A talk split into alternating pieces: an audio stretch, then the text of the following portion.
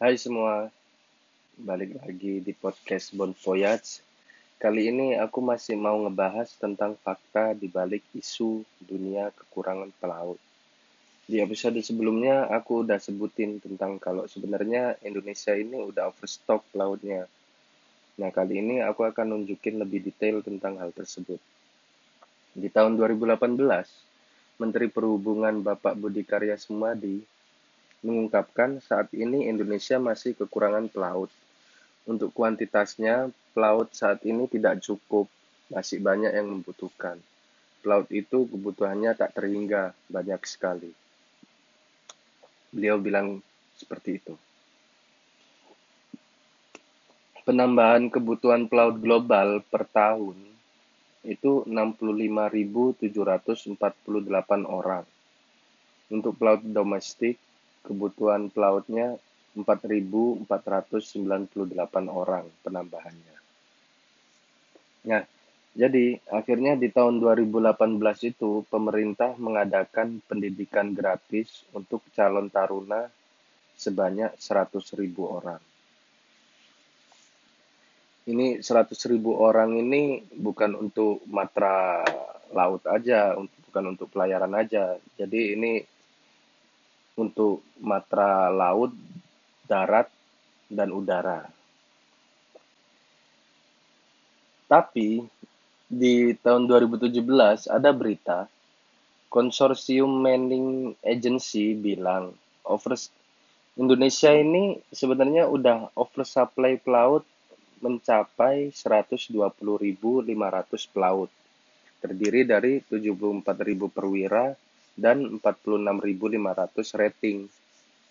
Jadi di kapal itu kan ada perwira dan ada rating. Jadi perwira itu gampangannya kayak supervisor gitu loh, geng.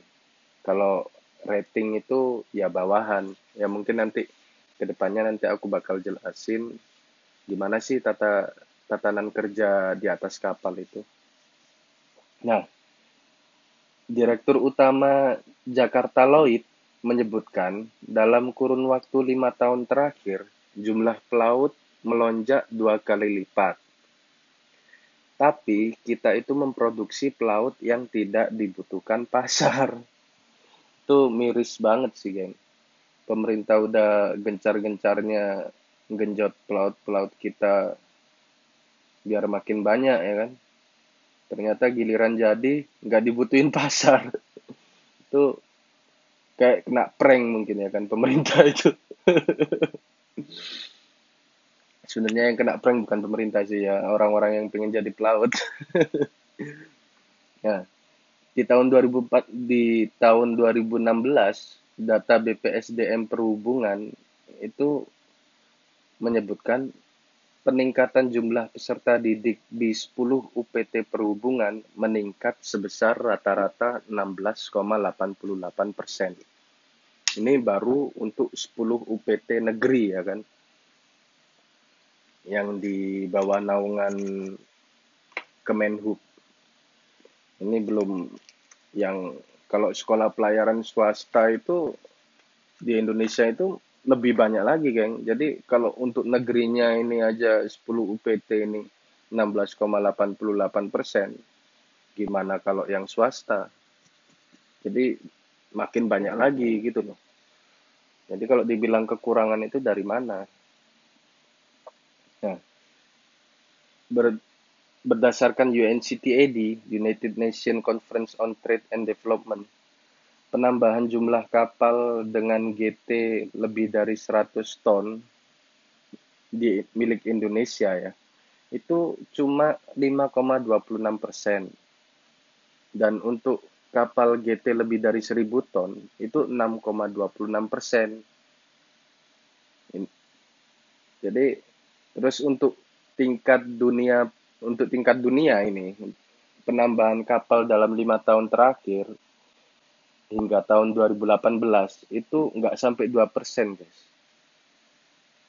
jadi cuma 1,98 persen jadi itu untuk kapal dengan GT lebih dari 1000 ton Jadi pengangguran pelaut Indonesia ini kalau dihitung-hitung bertambahnya tiap tahun bisa 14,9 persen tiap tahun.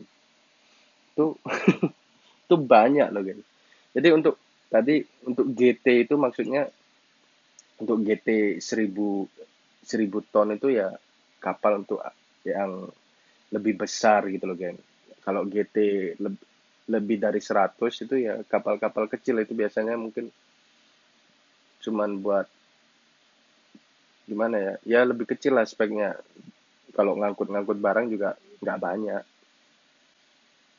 biasanya juga ijazah-ijazah yang di apa untuk ijazah-ijazah yang diperluin untuk mengawaki kapal-kapal yang dengan GT lebih dari 100 ton ini ijazah-ijazahnya nggak perlu tinggi-tinggi. Ijazah-ijazah rendah kayak gitu. Nah di November tahun 2018 ada berita di media berita trans.com Data BPSDM Perhubungan mencatat jumlah lulusan perwira pelaut di Indonesia rata-rata 6.000 sampai 7.000 orang.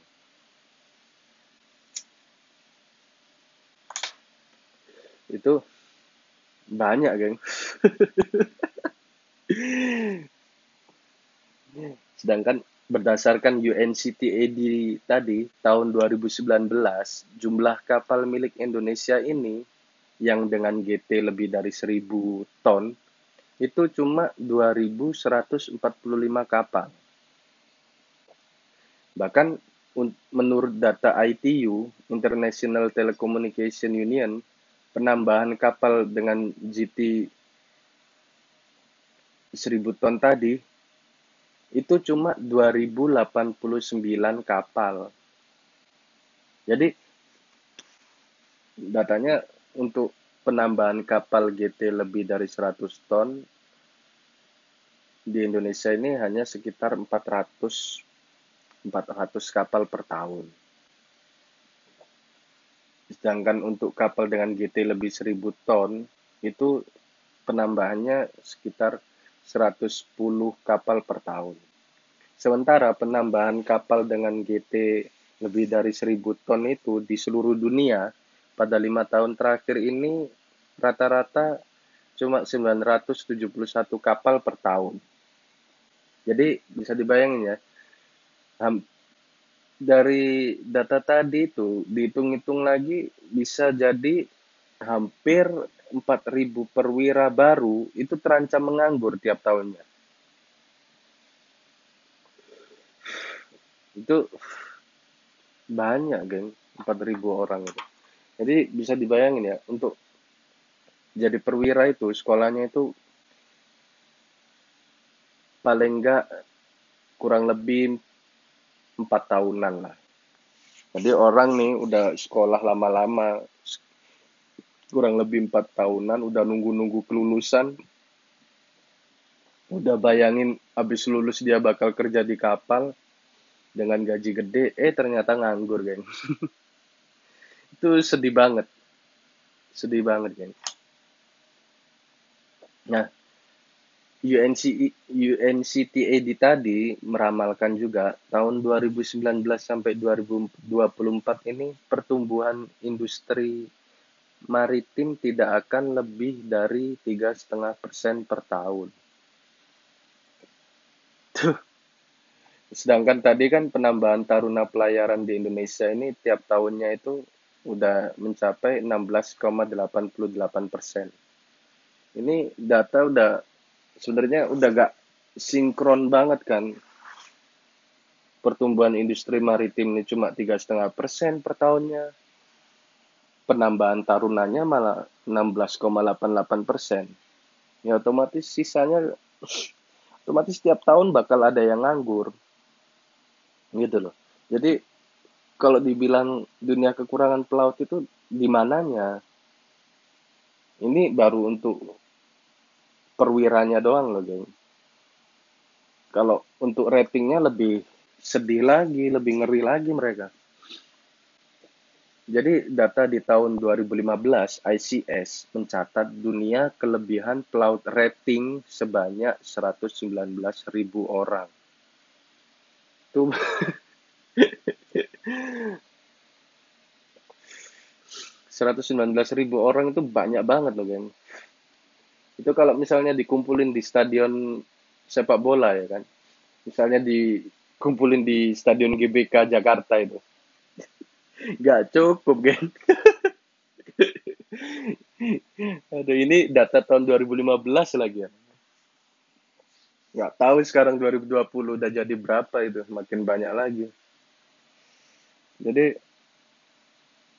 miris sih, kasihan. Aku pun bingung.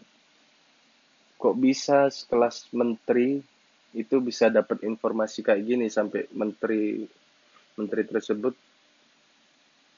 ngungkapin statement kayak gitu kan ini efeknya sampai ke gara-gara itu kan otomatis akhirnya jad, jad, udah jadi kayak tagline buat kampus-kampus negeri, kampus swasta, nggak nggak nggak swasta, nggak negeri sama aja. Mereka jadi buat jaring minat anak-anak lulusan SMA itu ya bilang gitu dunia kekurangan pelaut gajinya gede jadi dikasih angan-angan kamu sekolah di sini aja masuk sekolah pelayaran.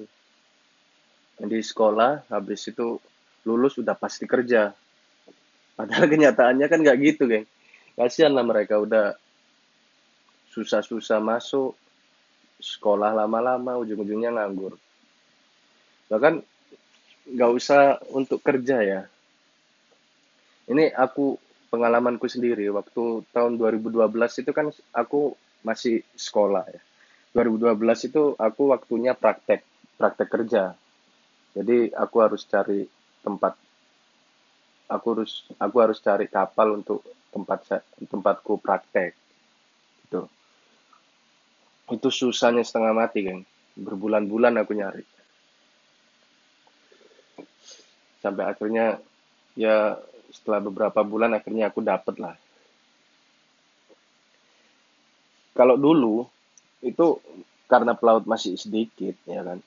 Jadi sekolah-sekolah pelayaran itu tarunanya itu nggak sebanyak sekarang.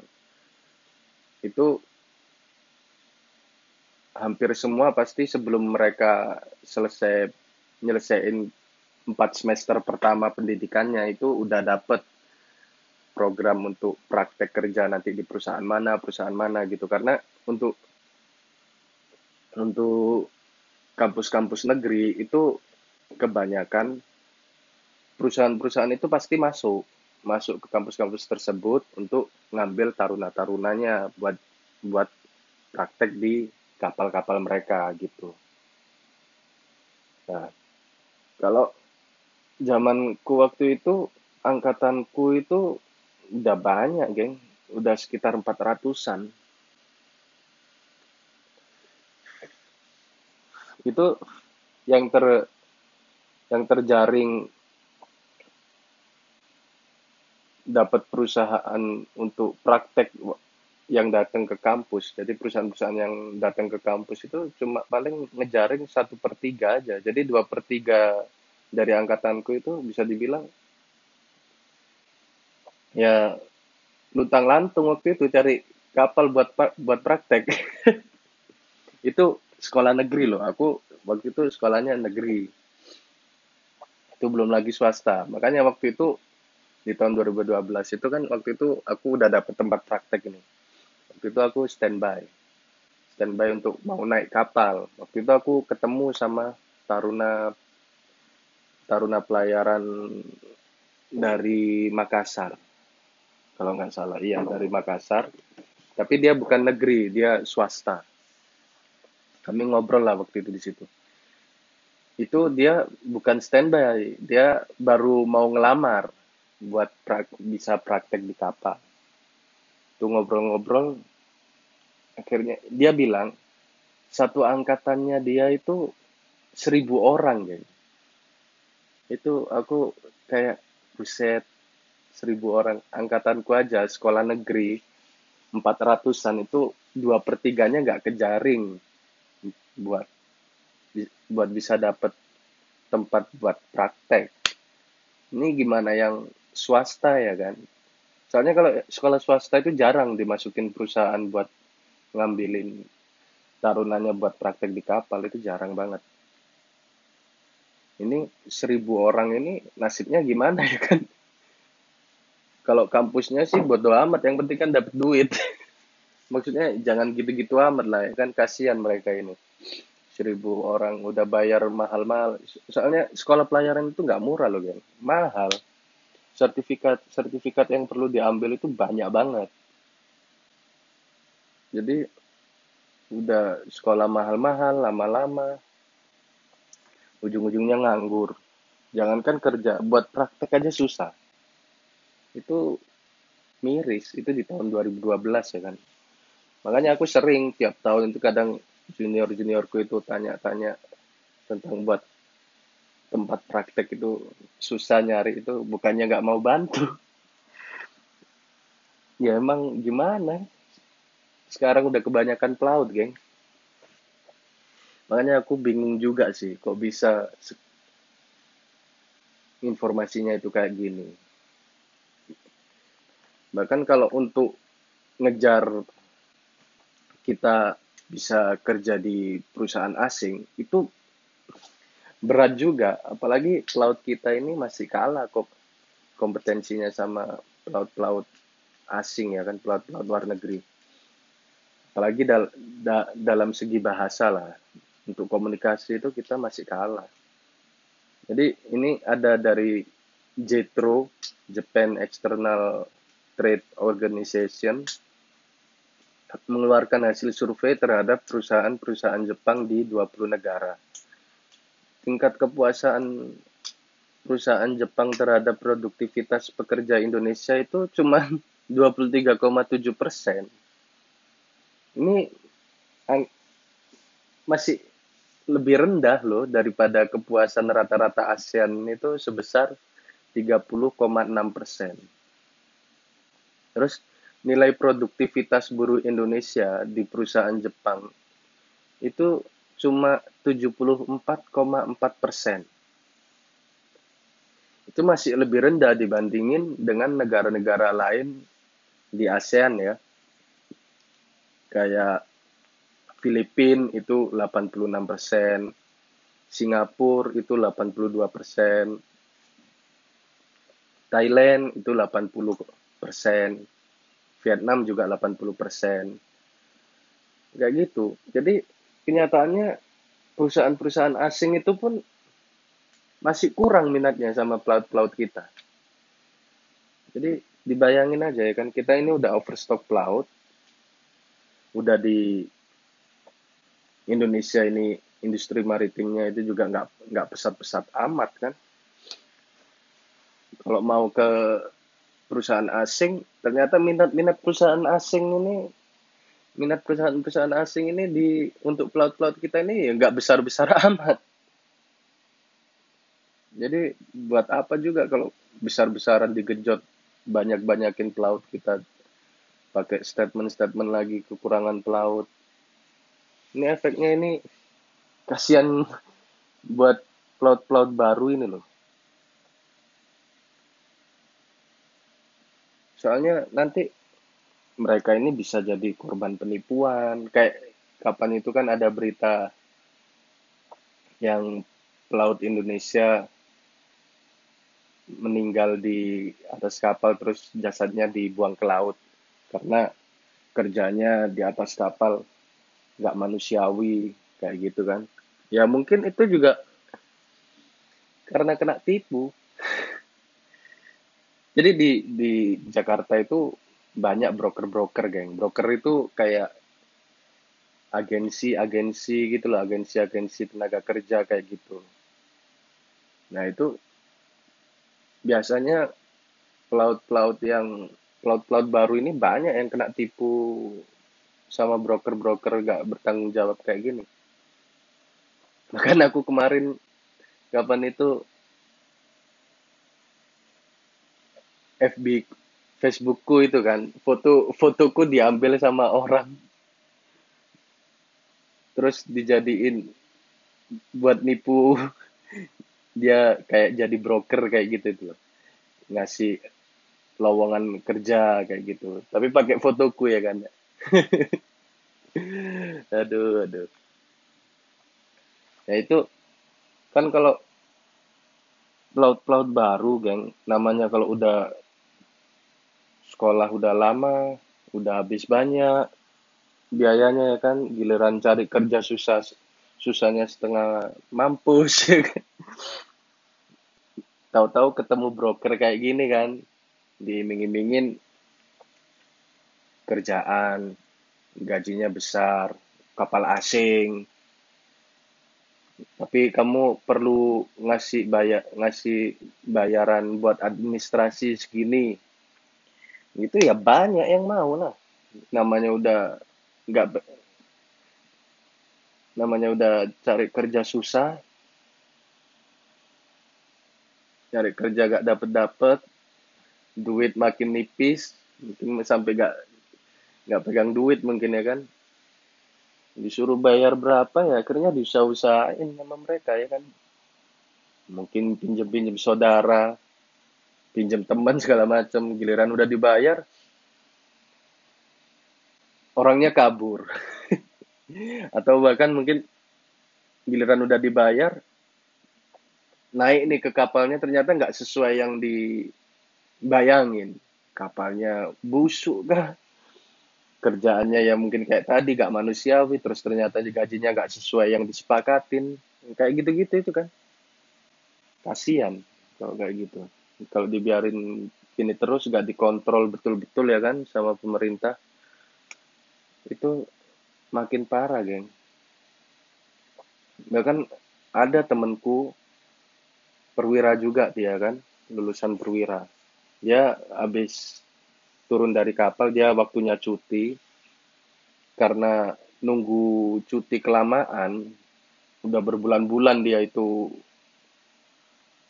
di di rumah ya kan.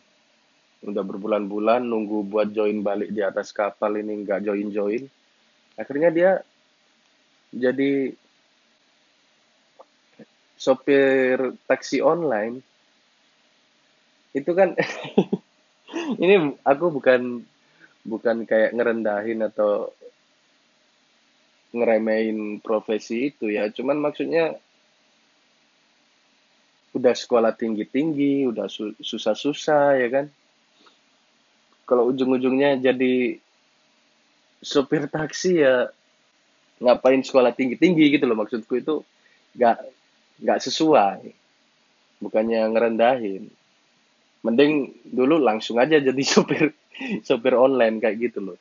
Cuman nggak nyalain ya mau gimana lagi kan namanya kebutuhan hidup geng. Udah susah-susah sekolah ujung-ujung nyari nunggu naik kapal gak naik-naik. Ya akhirnya kayak gitu. Makanya banyak juga sering. Itu temanku udah pengalaman udah udah berapa tahun dia udah berkali-kali lah join di kapal. Udah beberapa tahun dia pengalamannya di atas kapal itu. Itu harus kayak gitu. Makanya banyak kan fresh graduate fresh graduate ini kan yang yang nganggur-nganggur. Gimana? Mereka ini ngelamar kerja ya kan ke perusahaan-perusahaan. Perusahaan-perusahaan rata-rata pada bilang oh maaf pak. Kami nggak menerima fresh graduate. Kita maunya yang pengalaman. Ya ini gimana fresh graduate ini punya pengalaman kalau nggak dikasih kesempatan kerja ya kan? Ya nggak nyalain perusahaannya juga cuman ya gimana? Karena posisinya makin banyak pelaut ya mereka milih dong. Ya kalau bisa yang betul-betul pengalaman. Kalau makin lama makin lama kayak gini terus makin lama dia makin mainin gaji. Kayak gitu. Uh, untuk informasi buat kalian juga ya di Indonesia ini belum ada loh standar gaji untuk pelaut-pelaut eh, pelaut-pelautnya itu. Sedangkan untuk requirement pengawakan di kapal Indonesia ini pun sama kayak pengawakan di kapal internasional, tapi gaji nggak standar. di bawah standar kayak gitu. Mungkin bisa dicek juga kalau ada teman-temannya yang pelaut bisa ditanyain. Tapi kalau untuk di perusahaan-perusahaan asing pelayaran-pelayaran internasional itu emang udah ada standar gajinya. Nah tapi kan untuk masuk di perusahaan asing di pelayaran internasional itu kan nggak gampang. Apalagi pelaut-pelaut kita masih banyak yang kurang di bahasa Inggrisnya itu kan di komunikasinya kayak gitu-gitu itu. Jadi ya miris sih kejadian kayak gini nih makanya banyak juga kan kayak yang dia lulusan perwira fresh graduate karena gak dapat dapat kapal akhirnya ngelamarnya bukan jadi perwira akhirnya jadi rating jadi juru mudi jadi oiler kayak gitu gitu itu kan miris kan Nah, kalau yang yang pegang ijazah perwira itu jadi rating, terus yang pegang ijazah rating jadi apa? Kan gitu. Jadi kalau harapanku sih, moga sih pemerintah ini lebih mulai ngelirik lah, lebih dikontrol lagi penerimaan-penerimaan apa calon-calon pelaut ini. Jangan cuma main bikin tagline dunia kekurangan pelaut gaji pelaut gede kayak gitu. Soalnya kenyataannya banyak banget pelaut itu yang nganggur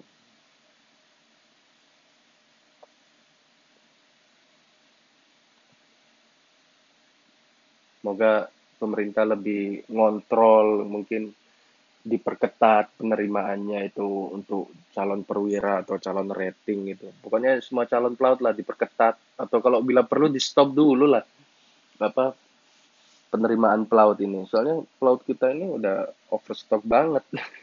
kalau ditambah-tambah tambahin terus ya kacau ya kan.